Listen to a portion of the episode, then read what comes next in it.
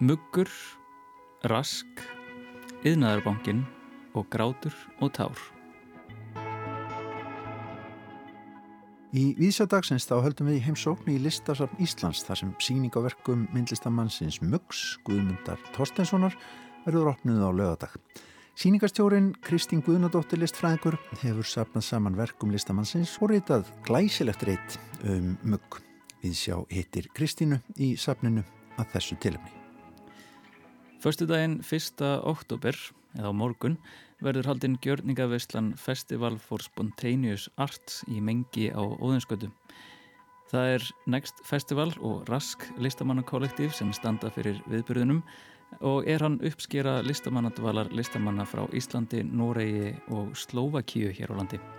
Sólei Sigurjónsdóttir og Snægi Djakk kíkja til okkar og ræða um viðbyrðin og Rask listamannakollektív. Anna-Maria Bóadóttir, arkitekt, verður tekinn tali um heimildamind hennar sem að heitir Jarðsetning, myndin sem er hluti af dagskráni á kveikmyndaháttíðinni Riff sem að heimitt hefst í dag. Hún fjallar um gamla yðnarbankahúsið í Lækjagötu og niður yfir þess.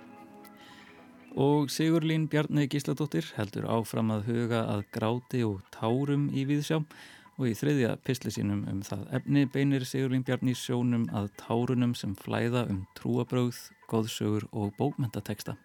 En við byrjum á niðurrifi, við byrjum á jarðsetningu.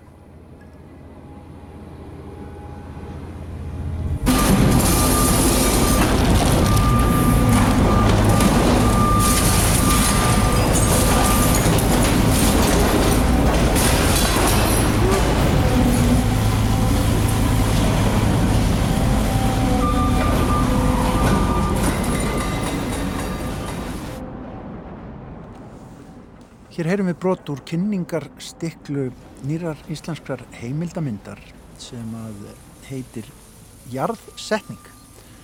Anna-Maria Bóðadóttir, arkitekt, er gestur viðsjár í dag. Anna-Maria, þetta er mynd um hús, þar sem að hús er í aðalhutverki, hús sem að nú heyri sögun til, yðnabankin, yðnabankahúsið gamla, í Lækjagötu hvaðan kom þetta að gera mynd um, hús sem að einu sinu var? Já, þetta bara, hérna, kallaði svolítið á mig, það kom eiginlega held ég bara svolítið innanfrá að, hérna, fórað svona þegar byggingin var svona, maður segja, að vera komin á, á, á lítklæðin og bankin að fara að flytja út, þá var ég einhvern veginn bara svona að hugsi yfir þessu mm. og hún fór að tala til mín, þannig ég fór bara alltaf að vera hérna sniglast hann í kringum hana og taka myndir af henni og, uh mhm. -huh. og svo fengum við heimil til þess að kveðjana með Jarðursöng sem var hérna í oktober 2017 Hvernig fór hann fram? Það var raunverulega með eh, myndlistar og tónlistarmönnum Já, já, ég man eftir þessu og hérna við raunverulega komum þar inn í bygginguna og hlustuðum á hana og gerðum henni svona kleift að ljóma og hljóma í hinsta sinn áður en raunverulega niðurjöfsferðlið eh, hófst. Mm. En áður en kannski svona að maður þeirra rýfa niður kropp byggingarinnar þá er búið náttúrulega að tæmana innan þannig að maður segja niðurjöfsferðlið hef, hefjist strax 2016 mm. þegar þið verða svona kannski bara, já, að taka allt innra byrðið úr henni mm -hmm. en ég fekk sunns ég þessa heimild eigenda og þeirra sem bara ábyrða á niðurifinu að hverja bygginguna og svo var einnig niðurifsmistarinn Addi Lingberg sem að hérna tók mikinn þátt í þessu og leið okkur svo eftir þennan jarðsöng að ég fann strax að þegar hún var lokið að ég erði bara raunverulega fylgin alla leið. Það var ekki nóga hverjana þarna. Mm. Ég vildi bara fylginni alla leið uh, á enda stað, á enda stöð og uh, Lógi Hilmarsson, kveikmyndatökumadur og kveikmyndagermadur, hann var með mér í, í ferlinu. Mm. Og þið takið allt ferlið? Þannig við tökum með allt ferlið upp, þetta er svona, já, um þryggjumánaða skeið, margir tökudagar mm. og auðvitað ekki, voru við ekki ná hverjum degi en að það liti okkur vita svona þegar það væri eitthvað markvert, markvert að gerast já. og það sem var líka áhugavert fyrir mig sem arkitektur, önverulega bara uppgöðt hvernig rífumadur hús. Já, einmitt. Því að arkitekturinn er alltaf svo upptekinn af því sem koma skal, af, af framtíðarbyggingunni, af þessu nýja. Það er flókið að rýfa stóri sig. Já, það er flókið og, og það er líka bara vandarsamt sérstaklega þarna inn í, í þraungri byggð að hérna, það er bara örgissjónum ykkur hvert vegfærandum þannig að það eru fagmenn þarna að verki mm. og þú byrjar á léttaefninu, glerinu og timbrinu og malmunum og svo er ekki fyrir alveg síðast þú kemur með stærsta já, hamarinn og kjaftin og, og, og klippir bygginguna. Þannig að það var svona ferli sem að var mjög áhugavert bara að kynnast. En Já. það sem vakti líka fyrir mér bæði að beina sjónarhornuna því sem við erum með í kringum okkur þessu hérna byggðin e, sem við þurfum að vinna með. Það er unverulega stærsta áskorun arkitekta og okkar samfélags er að vinna með vermaðin í umhverfinu. Mm -hmm. og þetta var svona bara mér fannst þessi bygging svo mikið tákn um þetta er náttúrulega yðnað, þetta er ekki bara hvaða bygging sem er, þetta er yðnaðabankin þannig að það var til henni vandað og mhm. líka hluta þessari svona framþróunar sögu, það var ekki landsíðan í Íslendinga fengur marsjálhjálp og það átti að yðnvæna samfélagið og leggja áherslu á yðnvæniðingu og líka gott handverk, mhm. þannig að það var unnverulega og þess vegna var yðnaðabankin stopnaður og þetta, þessi bygging byggði kringum hann. Mm. Þannig að það voru svo rosalega margar svona mörg takk og líka svo er þetta bara banki sem Já. er að rinja og það er alls konar samfélagskerfið að rinja þannig að þetta er líka kannski þessi svona bara velferðar samfélags takkmynd mm. sem að ég er líka bara hluti af sem ég held að hafi kallað svolítið á mig. Já, sko mann eftir að hafa komið í bankan og afgreðslu salin og það var rosalega hátt til loftsmanni og víttivekja og svona glæsilegt að koma hann inn uh, sko, þú talar um lík klæðið og þú talar um uh, kropp. Já. Byggingar, þú ert að þú ert að holdgera þetta er, fyrir þér er þetta já, líka mig Já, ég, hérna, það var einmitt áhört ef þú segir það því að ég var hérna, prófarkalesari sem var að fara við texta hjá mér og ég var að tala um það í taknumynd og líkami e, framtíðar hugmynda og, og þeir myndi helst taka líkaman út sagði að það er mjög mikilvægt að þetta sé sko líkami og, og ennsku er náttúrulega embodiment þetta Já. er náttúrulega kroppur Einmitt. og þetta er efni og það er kannski það svona þessi, þessi efnisheimur sem við erum að horfa þarna á í myndinni leysast upp mm. og það er líka þú veist þessi bara þessar geometríur sem að og burðurinn sem að við hérna sjáum hvernig gefur sig. Mm. Þannig já, er, ég held að það tali líka bara til mín, eða þetta er við öll líka bara kroppar og líkamar. Einmitt. Og inn í, inn í byggingunni beinagrind, það er grind sem heldur hún uppi alveg eins og okkur. Algjörlega, já. algjörlega. Þannig að það er kannski einhver, einhver þráður þar og, og meðvitaður og sem ég hefur upptekinn af líka það sé að umhverfið okkar er lifandi og, og það er rosalega mikilvægt að okkur þykki væntum það og við sínum það í verki og, og með því að kynnast því og reyna að skilja það og horfa á það og hlusta það þá held ég að ómeðvita þá förum við að hérna, vanda okkur betur mm. og líka að hugsa betur um að því það er ekki bara sko varveislu, það er líka viðhald bygginga. Mm. Það eru svo rosalega stórar áskorunar í arkitektur samtímans, það er náttúrulega bara öll mikluhúsin og, og hérna þannig að ég held að áherslan og áherslan hefur verið svo rosalega mikið á þetta nýja og framtíðina, svo getum við alltaf bara ok, við hendum þessu við hendum þessu og byrjum nýtt, byrjum nýtt. Já. Þetta er náttúrulega bara, maður, ég er ekki búin að sjá nema bara stiklu og hérna, en maður heyrir strax að því liggur mikið á hjarta. Það er bóðskapur í þessar mynd. Það er hérna, horfum á það sem við höfum, förum vel með það sem við höfum uh, veltum við fyrir okkur hvernig við getum bætt og breytt á þess að rífa alltaf allt niður og vöndum til verka. Þetta er pólitík, þetta er bara ram, þetta er arkitekt og pólitík Já, þetta er pólitík og arkitektur er náttúrulega alltaf Pólitískur. Pólitískur og mér finnst líka kannski að því að veist, á sama tíma það er verið að hérna, byggja þessa byggingu og náttúrulega margar byggingar og ég kannski var þetta, þetta var ekkit sérstaklega svona uppáhaldsbyggingin mín sko fyrir arkitektónisku sjónamiði, þetta er bara góð, góð klassisk, fín, góð og fín bygging. Östurefrósk svona? Já, finnst það eiga bara að standa. Já. og hérna í sjálfu sér, en einhvern veginn hafa byggingar svo er það settar í svona varnarstöðu og það er alltaf að vera að velja þessar góðu byggingar sem eiga að standa svona sem dæmi um því góða og allt hitt maður fara, já. en við þurfum að snúa raunverulega því við að því byggingar eiga að standa nema þessum auðsynlegt að rífa þær.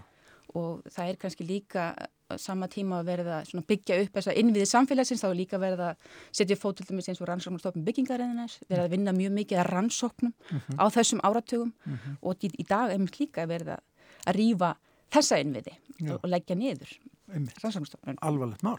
Mjög alvarlegt mál. Þannig að sko þetta er ákallum metnað, ákallum víðsynni, ákallum uh, að við horfum betur í kringum okkur. Já. Og, og, svona tökum tillit til þess sem hefur gert hefur verið vel. Gert hefur verið vel og líka einmitt þetta ákallum að hérna, þessa svona, ég, ég held að sé líka svona ákveðin bóðskapur um bara að fara svolítið inn og leiða okkur að fara inn á kannski bara tilfinningaspektrumið, að tengja okkur við umhverf okkar og hérna hugsa ekki um það einungi sem svona funksjonelt eh, ekki bara tæknihyggju. ekki bara tæknihyggju og eitthvað sem að þarf að leysa og við getum svo skilað þegar það er hægt að þjóna okkur. Uh mhm. -huh. að því við þurfum líka að þjóna umhverfuna uh mhm. -huh. Við viljum þjóna þess Já. Forvittnilegt, við bendum á þessa heimildamind. Hún verður frumsýnd á lögadaginn ekki satt klukkan 5 ára reif á tíðinni, það er ansi margt að hafa þar. Jarðsetning. Anna-Maria Bóðardóttir, takk fyrir kominu í Víðsjón Takk kærlega fyrir mig. Grátandi kemur nú guð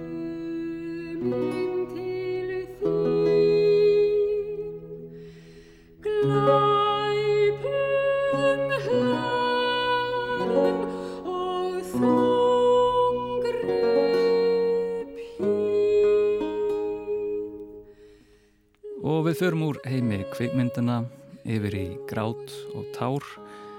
Sigurlín Bjarni Gísladóttir tekur nú við.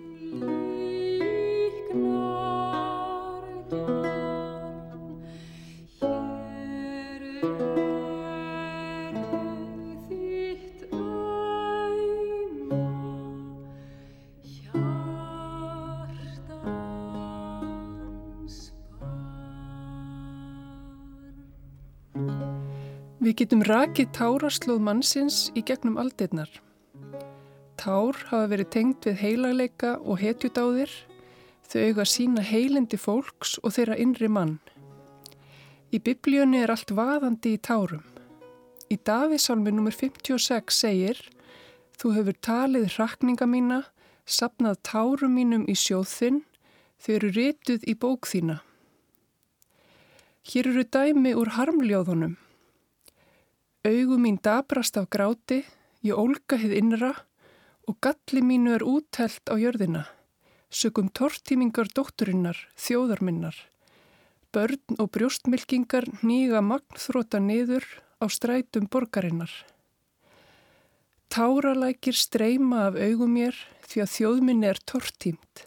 Kvildarlaust fljóta augum mín í tárum án þess að hljefverði á uns drottin lítur niður af himnum og horfir á. Hagar er ekipsk ambátt sem átti sónin Ísmael með Abraham. Hún grét eftir að Abraham hafði sendt hana í útlegð í eðimörkina en Guð heyrði grátennar og bjargaði henni. Hinn grátandi Hagar má finna víða í málverkum allt frá 17. öld. Heilagur Frans frá Assisi misti smánsamann sjónina í ellisinni og ásteðan var talin ofgnótt tára. Þarna eru tárin tengd við heilaleika, heilagur Frans var sannur án uppgerðar og bókstallega grét úr sér augun. Við grátum úr gýðinga er búist við gráti og hátileika eða alverugefni. Að gráta við veggin sínir dýft trúarinnar. Í Íslam er sérstakur hópur grátara í pílagrímsförni til Mekka sem kallast grátandi súfistar og tár þeirra endur spekla heilindi þeirra og dullræna upplifun. Jésús grétt þegar hann frétti andlát Lazarusar og í Jóhannesa Guðspjalli segir einfallega þá grétt Jésús. Á miðöldum voru tár mikilvægur hluti af trúrækni og samkvæmt sögunni voru dæmi þess að sett væri skál af vatni á höfuðið á stittu af Marju mei og til að tryggja táraflaum var settur spriklandi fiskur í vatnið. Reglulega spretta fram tár á stittum af Marju mei víða um heim. Hún grætur yfir dauða sonarsins en líka yfir syndum heimsins. Jesus lying in his mother's arms is a photon released from a dying star. We move through the forest at night.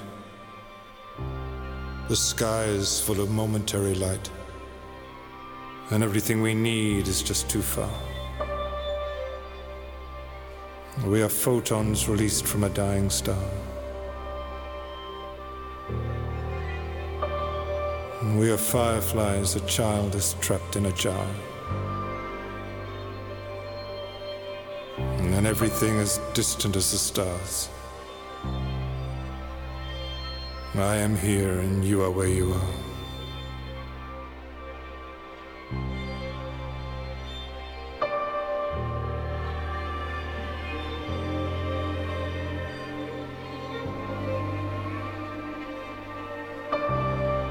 We have lived a long time here in the forest. And we lie beneath the heaps of leaves. We are partial to this partial light. We cannot sleep and fear our dreams.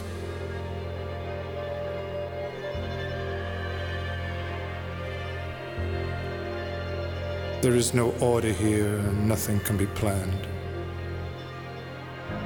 We are fireflies trapped in a little boy's hand. And everything is as distant as the stars. And I am here and you are where you are. Flest grátu við sáran þegar við missum ástvinn. Ef aðeins tár okkar gætu vakið ástvinn okkar til lífsins. En við vitum af bituru reynslu að svo er ekki. Samt grátu við mikið og oft og það er leiðin sem við fetum í gegnum sorgina. Tárin leiðu okkur aftur inn í lífið. Elsta ritaða heimildin um grát er á leirtöflum frá Kanaanslandi sem eru frá 14. öld fyrir Krist. Á einu brotinu segir frá giðjunni Anat sem grætur þegar hún fréttir andlát bróður síns Baals. Þegar Anat grætur mettar hún sig tárum og drekkur tárin eins og vín. Dróparnir úr augum hennar vekja Baal aftur til lífsins. Í norrætni góðafræði býðst hel til að hleypa baldri aftur í ríki lifenda ef allt lifandi og kvikt grætur baldur. Gráturinn hefst og það er auðvelt að gera sér hugalund hvernig þetta hefur hljómað. Allt kvikt grét, allir menn, guðir, hlutir og svo framvegis. Allt og allir grétu nema loki í líki tröllkonunar þakkar. Sá forherti sem grætur ekki kemur í veg fyrir endurkomi baldurs. Þegar manneskja deyr gráta ástvinnir og þeim líður eins og allur heimurinn allt kvikt gráti með þeim en kannski er alltaf einhver staðar þurr eigur loki sem kemur í veg fyrir endurkomu og endurfundi í lifanda lífi. Í ummyndunum óvíðs er fjallað um kíjönu, vatnadís sem leysist upp í tárum sínum. Tilvitnun En Kiana sem harmaði rán, gyðjunar og vannvirtan rétt lindar sinnar gemdi í hljóðu hjarta sér ólæknandi und. Hún leistist öll upp í tárum og rann sama við vatnið sem hún hafði fram að þessu búið í sem gyðja. Það máttu sjá limi hennar mýkjast, bein hennar svigna, neglur hennar linast. Og fyrst allra bráðnuðu fínlegustu líkamslutarnir, blágrænt hárið, fingur og fótleggir, því að ekki er óra vegur frá grönnum limum til kalds vats. Næst og eftir þessu leysast axlir, bak, síður og brjóst upp í mjóar vassbrænur. Og loks, í staði lifandi blóðs, rennur tært vatn inn í hólar æðar hennar, eins ekkert er eftir af henni sem festam á fingur á. Tilutnum líkur. Finnam á fleiri sambarileg dæmi í ummyndunum óvíðs. Þau sem bráðna með tárum eiga það sameigilegt að vera óhugandi og í viðkvæmri stöðu. Allt eru þetta konur sem leysast upp vegna yfirgangs karla. Kanski er eitthvað svipað í gangi í sögunum Lísu í undralandi Þar grætur lýsa svo mikið að það myndast pollur sem stekkar og að lokum svamlar hún um í eigin tárum. Hún flýtur yfir í breyttan heim. Stundum hræðist ég grátin því ég hrættum að get ekki hægt, að ég leysist upp í tárum, að tárin láti mig fljóta yfir á ókunnar slóðir, því stundum er þar stjórnlaus óreiða og ofsi. Í njálsögu kom skamkell þeirri sögu af stað að Gunnar og hlýðarenda hafði grátið undan ótkalli. Það var drópin sem fylgti mælin hjá Gunnari. Hann hjælt af stað og drap ótkell og skamkell. Í njálsbrennu skarpiðan spurður hvort hann gráti. Tilvitnun. Gunnar Lambásson hljóp upp á veggin og sér skarpiðin. Hann mælti svo. Hvort grætur þú nú skarpiðin? Egi er það, segir skarpiðin en hitt er satt að súrtnar í augunum tilutnum líkur. Á vefsíðunni Snöru er hægt að kalla fram leit að þeim stöðum í heildarverkum Haldur Slagsnes þar sem grátur og tár koma við sögu. Dæmin eru fjölmörg. Í sjálfstæði fólki kemur fram að Bjarti leiðist grátur og hann verður ráðþróta þegar ástasólílega grætur og reynir að veikumætti að hugga hana. Ég gæti trúa því að ástasólilja sé svo persóna sem grætur hvað mest í sögunni. Stökkum fram til nútímans. Árið 2020 kom út bókin Aprílsólarkuldi eftir Elisabetu Jökulstóttir og þar eru þessar harmrænu línur um grát þegar sögupersonan áttar sig almennilega á andláti föðu síns. Til utnun, þá ætla hún að gráta eins og dettifoss yfir því en ítti detti fór sorgarinnar aftur ofan í líkamann. Það var eins og það væri orðið á sent að gráta. Hún var búin að læra það eins og læstur stafur á bók að heimurinn hrinur ofan á mann ef maður grætur. Og ef maður grætur yfir einhverju þá trúir maður því. Það verður raunverulegt. Þess vegna grét hún ekki. Tilutni líkur. Eitt tár sprettur úr fyrsta tárakirtlinum í árdaga og flæðir frá manni til manns í gegnum aldirnar. Rennu niður kinnarnar á Marju mei, Jésu, dýrlingum, vatnadísum, goðum og giðjum, hetjum og antetjum, okkur öllum, mér og þér. Tárið er það sem tengir okkur saman. Blaut augu fylgja mennskunni. Tárakirtlarnir hafa ekki verið tæmdir. Þeir verða aldrei tæmdir. Ég ætla að enda þetta á eigin ljóði úr bókinni Bjarg. Við erum stött á sjöndu hæð í áttahæðablokk í íbúð 7a. Fjólaraðar böngsum með hliðum sér skrokk þjóta úti, setur sæng yfir haus. Muldrar í kottan, þú sæla heimsins svala lind. Um þessa myndir gráta læknar í sár sjúklinga. Skurðlæknar opna, brinna músum og sauma fyrir. Ljósmæður lauga fæðingar í tárum sínum. Sálfræðingar sapna í krukkur. Prestar bæta þeim í kalegin. Leikskólakennarar hafa tekið sér stöðu við rólurnar. Bara tár, læknar sár. Fjóla dregur sæng frá nýju ára strikuðum kinnum.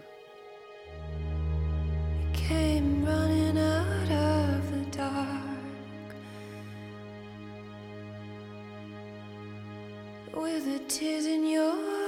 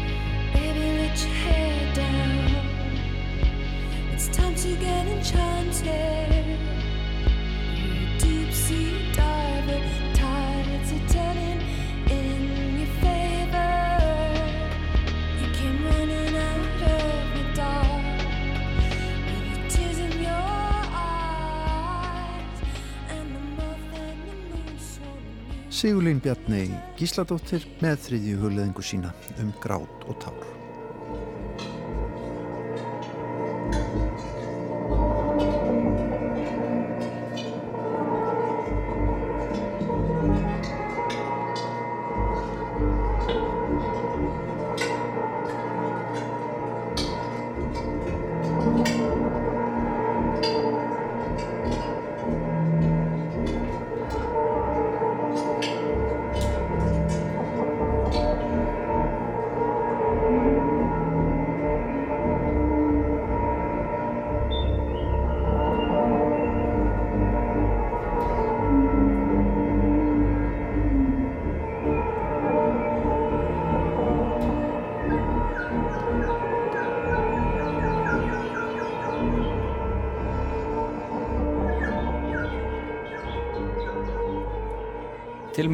Hljóðstofu eru komin þau Sólei Sigurjónsdóttir, hljóð og markmiðlunar listamæður og Snægi Jack, aðtarnumæður. En þau eru hluti af listamannakollektífinu Rask, en Rask ásamt Next Festival standa fyrir viðburðinum Festival for Spontaneous Art í Mengi, förstu daginn 1. oktober, þar sem tíu listhöfundar frá Íslandi, Noregi og Slovakíu sem hafa verið í listamannadvöl hér á landi blása til gjörninga veislu. Haldnir verða tveir tónleikar með ólíkri dasgrá og hefist er klukkan 6 og 9 og að loknum tónleikum mun dasgráin enda á partíi á stereobar með DJ Slay.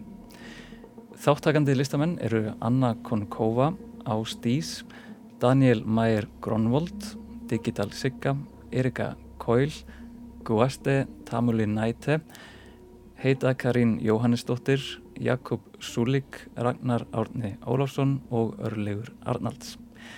Sólei og Snæði Jack, innilega velkomin í Viðsjá. Takk hjálpa. Takk fyrir. Og mætti ég byrja að spyrja ykkur uh, Rask kollektív, um, hvernig var það til? Já, kannski best að Sólei svarið þeirri spurningu. Já, Hún hefur verið þarna frá byrjun. já um, Rask varð til af því að við komum okkur saman og hugsaðum okkar að það vantaði stað í Reykjavík og kannski á Íslandi almennt þar sem væri sérstaklega lögð áhersla á nýmiðlalistir og tilraunalistir. Og allavega fyrir mig, mitt persónuleiti þá fannst mér svolítið vanta ákveðin sena sem ég hafði kynst bæði í Berlín og í Hollandi þar sem um, áherslan er á nýri listform, raftónlist og listform þar sem ólíkir rafmiðlar fléttast saman. Eitthvað svona áframvelta. Áframvelta, já. Mm Og uh, ég sá að þið eru með einmitt, nokkur markmið á síðunni og getur sagt mér aðeins frá svona hver stefna kollektífsins er? Já, stefnan byggist helst á að þetta eru miðlar sem taljum að margir hafa aðgengi að og margir geti leikið sér með kannski bara heima með hlutum sem eru aðgengilegir. Ef við hugsaum þetta sem stað sem ekki bara þar sem við sínum listamenn heldur þar sem við búum til stað þar sem fólk getur komið saman til að skapa og leika sér saman að því að gera tilraunir með raflistum. Og uh, ég sá hann að ég mitt að það er svona verið að velta fyrir sér þessu svona skurðpunkti kannski lista og tækni Mhm. eða svona samblandi hvernig það helst saman, hvernig það hægt að púsla því saman og uh, ætti ég þá að spyrja þig til að byrja með um, Snæði, Jack, uh, hvernig myndur þú lýsa svona þinni nálgun á þennan skurðpunkt lista og tækni? Já, ég held allavega að Rask sé í mjög góðru stöðu eins og er því að með því að vera með svona fram úr stefnu og í raun og veru bara frá stofnun Rask hefur að verið uh, já, fram úr stefnu legt í bara eðli sínu Mm. að þá til dæmis bara þegar faraldurinn kom og, list færðist uh, var í raun og veru bara þrýst inn í uh, þetta stafræna rými að þá var Rask uh, með reynslu í því og þú veist, var með list á netinu, var búin að vera að gera hlut á netinu þannig að það var ekkert svona það var ekki mjög erfitt fyrir rask að aðraðast eins og það var kannski fyrir aðra. Og, og ég held að það haldi líka bara miklum velli núna í dag því að það er í raun og veru bara listin eins og hún er í dag. Það er bara rask. Ra- rask er bara list í dag. En mér finnst kannski líka mikilvægt að hugsa þetta sem listamenn er, er fólki sem er með hugmyndirnar, sem fólki sem hugsa út fyrir bóksið en ekki endilega fólki sem er með verkfærin til að framkvæma það eða, eða sko þegar maður hugsa um hvar list og tækni hittist að ég held að listamenn eða svona fólk sem er með kreatífa hugsun í kollinum sé fólki sem ítir tæknin í rauninni áfram. Þannig að það eru í rauninni margir sem hafa verið að koma fram um, rask bæði í samstarfi aðra og einar og sér sem eru tölvunafræðingar eða eru dramagsverkfræðingar og svo frammeðis en þetta verður svona snertibúndur þar sem, mm þar sem við svona reynum að íta áfram sko ólíkum brennidellum bæði leikjum og tækni og og bara gerðu ykkur eitthvað, ég meina þú veist það var, það var náttúrulega ótrúlega eins og bara í þessu verkefni þegar fólki kom frá uh, útlöndum og við hittumst á, á skemmtistafnum Röngan að það þarna var ekki mikið lið, þú veist að við, við eiginlega vorum ekkert mjög mikið að chit-chatta þegar við, þegar við settist niður, það var bara ok, já, hæ, góðan daginn, eitthvað, ég heiti þetta en svo voru bara strax búin að dempa okkur bara út í hverju framtíðin í gerðgrund þarna, uh, hvernig erum við að fara að nota, þú veist, tæknina til þess að uh, hrinda áfram bara nýjum draumum og, og nýjum sínum út í raunveruleikan og, þa- og, þarna,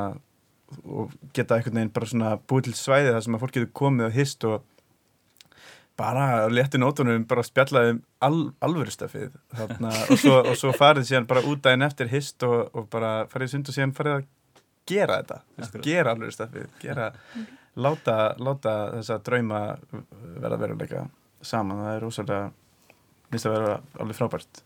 En uh, Sólei, um, þú ert uh, já, tónlistamæður eða hljóðlistamæður Mhm. og uh, þið hafa verið að halda sem rask uh, viðbyrði sem heita einfallega rask nummer 1, rask 2, rask 3 og ég hef nú bara séð myndir frá þeim viðbyrðum en, en þú hefur verið að flytja þar tónlist Mhm. og uh, er með eitthvað svona rosa mikið búnað á höndunum. Uh, getur þú sagt mér aðeins uh, frá þessum búnað og kannski Eh, þeirri tónlist sem þú framlegir Já, ég sem sagt er að búa til hljóðfæri og mörg þeirra eru rafhljóðfæri og, og þessi tiltekni búnaður á höndunum er einfallega hanski sem um, þar sem um, í rauninni reyfingarnar sem ég gerir með höndunum verða að tölum í tölvunni sem ég nota síðan til að hafa áhrif á hljóðið.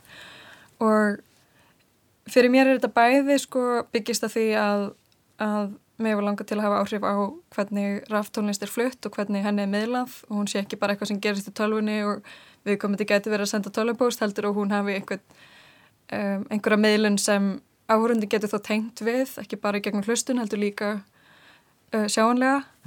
En svo hugsa ég þetta líka sem framlengingu á líkamannum og í nýri verkum eitthvað sem einhver sem hefur aldrei spilað tónlist getur rauninni tengt við án þess að kunna nöðsynlega spila á hljóðfæri og þá sérstaklega við, við tölum bæði með munnunum og höndunum Mhm. og sérstaklega kannski ítalir tala sérstaklega mikið með höndunum en, en það verður svona verður ekki meira svona líka bara svona þetta er meira emotional intelligence og svona body intelligence Jú, að koma út inn í tónlistina og meðan ekki ennþá en, ekki ennþá nota eins mikið einhverja svona staðbundna fókuseraða raukhugsun til þess að setja saman einhverja eh, einhvern svona kristalla af, af verki. Það verður allan svona kannski náttúruleg tenging og getur við alveg fara út í hérna Darwin, proton, protolanguage en allan fyrir mér er þetta svona þetta er eðlislegt að mm hreyfa sig og búa til hljóð þannig að það er svona mín álgun á, á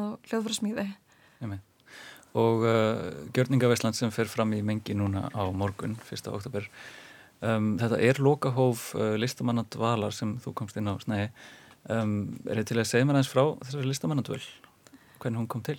Já, uh, þetta er sætt unnið í samstarfi við uh, Next Festival og, og fleiri uh, hvað heitir það? stopnarnir Já, fleiri liststofnanir frá Slovakíu Norri og Norri og svo í samstarfi við Rask og þetta er hlut af stærra verkefni sem er tveggja ára langt verkefni sem ber titilinn Noise og Noregur, Ísland, Slovakia og sem sagt Rask er búin að halda þessa listamannadvöl þar sem við erum búin að fá listamenn frá, frá Noregi og Slovakia um, Og þetta er einhvern veginn hluti af Next uh, listaháttíðinni Já, einmitt og sem er 20 ára uh, 22 gömul- ára. 22 ára gömul háttíð sem að hefur bara uh, rutt fram bara eitthvað svona ruggluðustu spuna hljóðfærileikarana sem að Evrópa hefur bara séð. Þetta er fáralegt sko. En já, það er mjög gaman sko, þetta eru, þetta eru listamenn sem eru að vinna með svona fríspunaform sem mér finnst maður ekki að hafa séð mikið á Ísland, það er náttúrulega jazz og það er spuna jazz en þetta er það fólk sem er að koma úr þú veist, punki og jazz og noise og, og alls konar en er svona saminast með að að spinna á staðnum og er sérstaklega lægið að spinna á staðnum og margir er myndi að gera þá eru kannski lærðir og hljóðfærið en eru þá blanda saman elektrónik. Og, og það sem við erum að gera með rask er sérstaklega okkur langar að blanda saman ólíkum miðlum í þessu þannig að við erum með tvær íslenska listakonur sem er meira að vinna með sjónrænt. Það er Ástís eða Ástís Birna Kilvadóttir og, og Sigriður Birna Mattiasdóttir sem kalla sig Digital Sigga. Já, Digital Sigga og það eru líka með mjög skemmtilegan bakgrunn sko, Ástís kemur meira úr myndlist og er að gera í rauninni hún er að gera myndbönd en hún gerir það á staðunum þannig hún er að vinna með efni sem tónlistafólkið er að gera og, og Digital Sigga er með bakgrunn í, í fatahönnun en hefur sér að farið síðan í tölvunafræði og hún er að vinna rosa mikið með hvað heitir það, svona digital identity? Já, einmitt, einhvern veginn svona að þegar ég er bara núna að tala út frá samræðu sem ég ætti við hana í fyrradag en það er að vinna einhvern veginn með þetta þessa manneskju sem að við búum til eða þessa framlengingu sem við sköpum í stafræna heiminum uh, og að vinna bara mikið með hana sem einhvern veginn svona sér subject eða sem sér svona útlimur á uh, vitundin okkar Já. En hún er líka eh, mjög skemmtilegt því hún er náttúrulega ótrúlega fær forritari þannig að hún er að gera núna í, í listamannadvölinni er búin að vera að vinna með visjóla, hún, er- hún er að skrifa kóðan á staðnum og hún sýnir sko kóðan þannig að maður er alltaf að horfa á það sem hún er að gera Já, á sama og, tíma. og tölvan er að bregðast við kóðanum bara í rauntíma uh, með því að er eru búið til eitthvað svona starffræði, fraktala og reyfingar og myndbönd sem eru mjög trippi, minna mjög mikið á svona gamla Microsoft Visualizerana nema bara einhvern veginn meira krisp og er miklu meira að gerast Já, Já, ég var spanna, ég var að útskýra þetta verkefni fyrir einhverjum uh, í, í, uh, fyrir dag að þetta væri svona eitthvað svona spuna uh, tónlist. Og ég spurði eitthvað svona, já, er þetta svona þá eins og svona jazz? Og ég hugsaði, nei, þetta er hérna þetta er eiginlega bara það sem jazz vildi óskæðis að væri. Þetta er miklu meira, þetta er bara algjör sprengja. Þetta er náttúrulega sko fyrir mér er þetta kannski náttúrulega flæðir svona inn í önnur listform að þetta er ekki þetta er svona fólk sem er að reyna að vinna þvert á hvað tónlist er allavega svona í traditional skilningnum sko, Mhm. þetta er einhvern veginn tónlist sem er orðið að hljóði eða massa eða einhverju svona orkuflæði einhverju svona reyfingum og, og það er mjög skemmtilegt að heyra þú veist hvernig, þetta er ótrúlega færir tónlistamenn og Já, hvernig og eru að bara gera svo þetta bara í mikið rauntíma mismunandi áttum og bara svo mikið mikið af hljóðfærum þú veist, og og þetta er svo, já, þetta er bara svo fjölbreytt, þetta er svo dýragarður. Nema að þú veist, að í rast þá erum við að taka hann dýragarð og við erum að breyta honum í sirkus. Þetta er risa sjó, sko þannig að það er ekki hægt að missa af honum uh, og mæta á tónleikana sem er algjör veistla á föstudaginn. Já, þetta hljóma mjög samfærandi og uh, það er Next Festival og Rask uh, Festival for Spontaneous Arts heitir það. Gjörningaveisla í Mengi á morgun þann 1. oktober uh, frekari upplýsingar um viðbrunar hægt að nálgast á Facebook og mengi.net Sóli Sigurðansdóttir og Snæði Jack Takk hérlega fyrir komuna í vísu Takk hérlega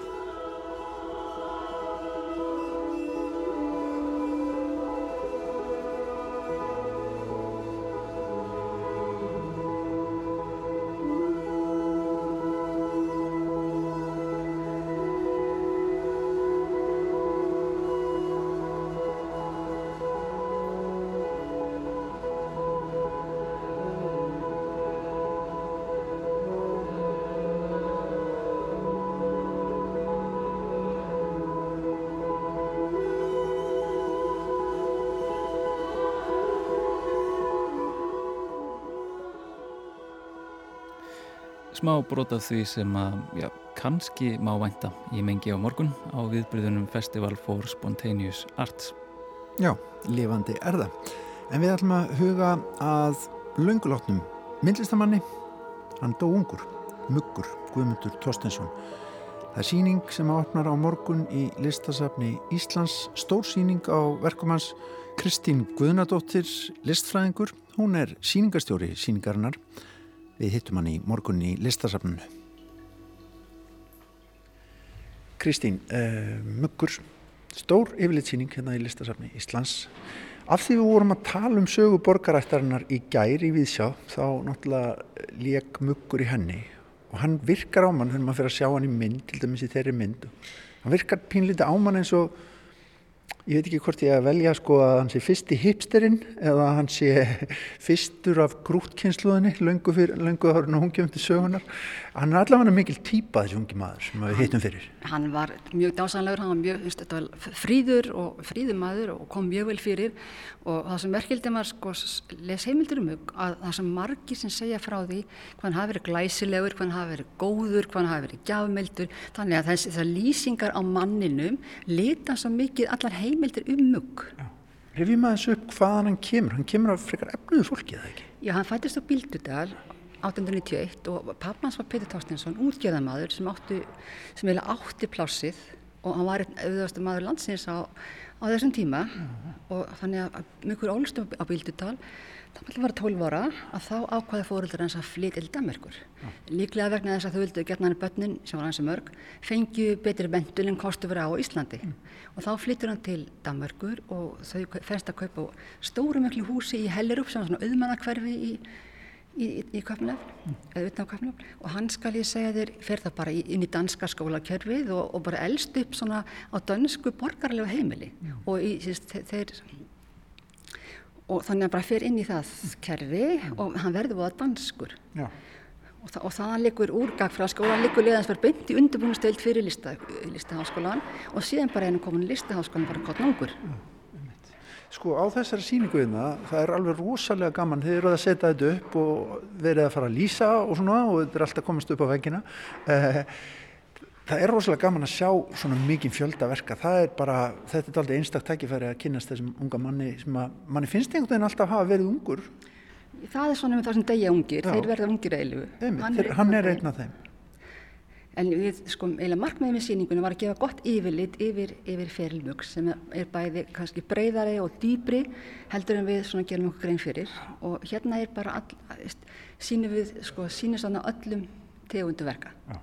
Við byrjum til þess á, á landslæginu hérna mm -hmm. og hann, jú, hann málaði vissulega svona hef, hefbundna landslagsmyndir eins og mm -hmm. aðrir íslenskir listmálurar en hins vegar þá sko, hans áhuga svið, það var meira, það var fólk, það var frásögn, mm. það var þjóðlíf. Mm -hmm. Þannig að, að, að í flestu myndanans þá sjáum við fólk. Já, og það er aldrei klassíst sko, einhvern veginn norræn, norræn anblæri útlenskur.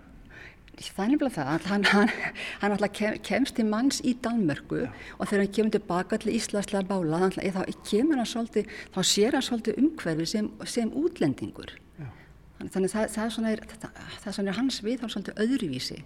Af því hann sér þetta á annan hátt heldur en þeir sem voru svona meira ólust upp hér og, og kynntust aldrei þessari dönsku borgaramenningu sem hafa bara hluti af. Sko það er óslulega fjölbreyttir flokkar eins og segir, það eru áhrif frá þjóðsögum, það eru trúarleir hlutir, það eru bara hitt og þetta. Mannlífsmyndir, eiginlega hálfgerða búningamyndir oft sko.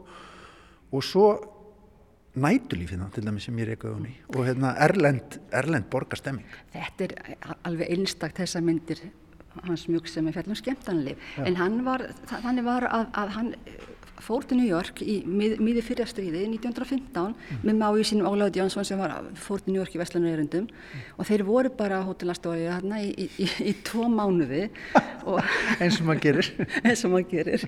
Og hann sem sagt, hann heitlaðist gríðarlega mikið af skemmtanlífunni í New York eins og gefur að kynna og hann sem sagt, og mála mikið myndir úr skemmtanlífunni og, og annað, annað var að hann skrifaði í, í brefi til Kristinn Jánsdóttur vinkonu sinnar að hann hefði kynst sko nýrtegunda tónlist í New York og það var svona negra músík. Þannig að ég hrýfst svo mikið að þessari gegnum simplu negra tónlist.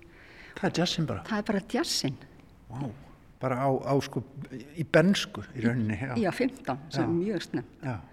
Og, og hérna eru myndir af svona knæpulífi, fólk kalla sér upp að hvort öðru, öðru greinlega frekar, já, ölvað og hérna, og, og ótrúlega mikið stemming, þarna eru dansmegar og, og hljómsveit út í hotni, það er allir svartir á henni síns mér. Mikið jazz. Mikil jazz og mikil jam og mikil skemmtun. Já, og hér er verið að blása í lúra líka. Já. Sko, svo er þessi frumlega einhvern veginn myndbygging og, og líta meðferð og slíkt sem að hérna, oft maður hefur séð auðvitað. Ég þekki þetta mest úr bókum en, en hérna, það, þess vegna er svo rosalega gaman að sjá þetta svona upp á egg. En er margt ótrúlega, ótrúlega smart, sko. Ég, bara svo ég bendi hérna á eina mynd, ég bara, Tröllabötn í tungsljósi. Þetta er svona næstu Arnú Óstíl á þessu en, en hann alltaf sótti sko föng mjög, mjög víða. Af því hann alltaf var að efna fólki og hafa það kannski fram yfir sko aðra samtíma listamenn sem voru meðan minn ám í Danmarku að hann hafði kostið að ferðast. Hann gæti bara hoppa upp í lest og fari hvert sem hann vildi, hvernig sem hann vildi. Þannig að hann alltaf var mjög reistur maður og við séð margt og fengið, tekið áhrif í það. En svo alltaf kemur stríðin í þetta og það alltaf stopp, það tekið fyrir ferði til, til Suðurs, þannig að hann fer svo mikið að sækja norður, þannig að hann sækja mikið áhrif til, til, til, Norðurlanda. Og hann sem sagt kynist munk svolítið, sækir svolítið í, í svona norska þetta málar, málar í Nóri heilmikið sko, hérna, rifjaði nú aðeins upp hvað hann verður gamall og, og svona hver, hvernig hans líf, líf og ferill þróast. Sko þetta var, þetta fór mjög fallega stað í, í bara sólskinni og hann sem sagt, eh, elsti fyrir skjóli fóröldar sinni sem voru mjög efnaðir og gæti náttúrulega bara ferðast og, og svona lifaði sínu lífi og eins og hann vildi þangað til að, að það fyrir hallandi fæti á pappans og 1919 þá svona er farið að sýrta verulega álinn og 21 þá er pappans bara gjaldfrota og það því það er náttúrulega þá er alveg allir fjárhagsstuðningu sem hann fengið gennum tíðina, hann, hann bara hættir algjörlega, hann er mjög góð fyrir að standa á eigin fótum. Þannig að þetta var mikið áfall fyrir hann að, að hafa ekki lengur þetta skjól sem hann hafði alltaf getað sint sínu og þar að auki þá 23 greinst hann bergla og þetta var mjög stutt, stutt öðastrið og, og árið síðar í, í, jún, í júli 24 þá er hann bara dáinn. Hann er þá hvað gamall sér? Hann er á 33. aldursári. Er stuttu fyrir. Þetta er nánast eins og halastjarnan sem að þýtu framhjá. Nefnilega, en samt er þetta mjög merkilegt hverjan á á að kvika ákvað á svona skömmun tíma. Af því að þetta er svo fjölbreytt, þetta er svo mikið, þetta er svo stuttur fyrir, kannski skoði Jón Stefánsson og Kjærval á sama aldri og byrjun saman hvað þeir voru búin að gera þá, þannig þá svona kannski átta með sig á því hvað þetta er mikið. Já. Hann er rosalega mikið hérna, efni og, og hér er nú emitt efni. Hann er að, hann er að nota ímis efni. Þetta er nefnilega nákvæmlega það sem hann gerði og kannski svona enginn er hann svolítið að þetta er að hann fegst við útsaum og gerði, já, hvað maður kalla þetta, svona patchwork verk, eins og flýðranir. Þetta er alveg ótrúlega sem fallegt er verk. bara svo stórkostlegt og þetta er eins og vera gert í gær. Já, Hann einmitt. hann nota moldverpurskinn og silki og nær fram svona stemmingu eins og flýðran sé svona að synda eftir, eftir sjáabotninum. Veistu, Þetta er bara alveg ótrúlegt verk. Jésús minn, þetta er, ég, ég man ekki eftir að sé þetta. Sko þú kannski sem myndaði en það er bara ekki til líking við að sjá þetta Nei. svona, en þannig að lifna það við. Já, það kemur, kemur hérna glampin á efnið allt og, og, og einhvern veginn áferðin. Ég-. Ég held, já, ég var alveg heillu líka því ég sá þetta. Sko það er kannski, hvernig er það á þessum tíma? Ég meina að, að, að nota þessi, hvað maður segja, um, efni og aðferðir bara stofunar og, og hvenna heimsins, það hlýtur að vera daldið hérna sérstakt. Já, það var algjörlega ekki samþygt af því að semst, hann alltaf er akademinsmentaður og í, í hans kreisum þá er þetta bara, sko, ólíumálverkið er bara hafið yfir allt annað. Og teikningin er kannski svona undirbúning fyrir ólíumálverkið en, en allt sem lítur að hann yrðum að það er bara dútl og, og svona kvennavinna þannig að hann, hann fekk bátt fyrir þetta fólk gaggrundan fyrir þetta og fólk tók hann gendilega alvarlega sem myndlistamann af því að hann, hann breytti svona mikið úr sér.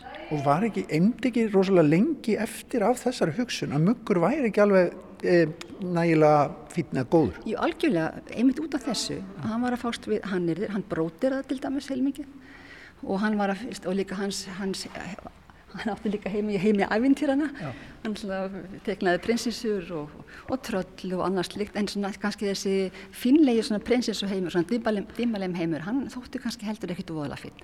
Þannig að þetta svolítið að verkum að hann var svolítið flokkaður sem, sem dútlari og ég, ég sá um því brefin sem hann skrifaði að þetta særða hann voðalega mikið. Hann, hann fannst hann ekki vera metinlega verlegum mm -hmm. um út af þessu. En hann vildi í raun helst sko fást við að gera klippimyndir að það, það efni lék svo í höndunum á hann en, en það var ekki aksepterað Nei. Sko er það ekki bara má ekki alveg segja það að hérna, já, eftir kannski stundum aldrei svona harða 20. öld og svona menningar átök milli hugmyndaheima og kerfa að þá sé kannski í rétti tíminn fyrir mugg sé bara núna á 20. öldinni það er að segja, hann er hann er svona alltaf þessi mjúki hvað maður segja, kynja flögtandi strákur? Ég held að það sé mjög góð lýsing á honum. Jú, akkur, akkur, núna getum við, getum við svona sætt okkur við allar hliðar á muggi en sem var, sem var ekki hægt fyrir 30 ára síðan. Það var svona síningi sem var haldið fyrir 30 ára síðan hildur rýtskoðuð og tekið út ímislega sem ekki þótt að henda. En, en ég held að, að núna þegar sjáum heldarmyndina að þá blasir með þessi maður við. Ég heyri bráðir Kristín Guðnardóttir að þú eru haft hansi gaman að því að fara í gegnum mjög Þetta var voðalega skemmtilegt. Þetta var einstaklega skemmtilegt. Þetta var svona, var, já, sá allt í einu listamann sem held að væri svona takmarkaður, allt í einu sá maður hvað var, hvað var mikið í hans spunnið. Þetta var mikið dýftinn, brettinn og allar þessar tilfýlingar þetta var svo stórkostlega uppgötuð Við hérna bara bendum á það að hlustendur komi hérna á þessu síningu sem hún held ég bara er mun algjörlega smell passa og, og slá ekki bara takk fyrir spjallið Takk Og á spjalli okkar við Kristínu Guðnadóttur listfræðing í Listasanna Ísland ljúku við við sjá í dag Já, við sjá verður hér aftur á mánudag kl. 16.05 við bendum á úrvalvikunar sem er á sunnudag kl. 14 en annars bara takk fyrir viðsjárvikuna og fyrir að vera með okkur. Verðið sæl.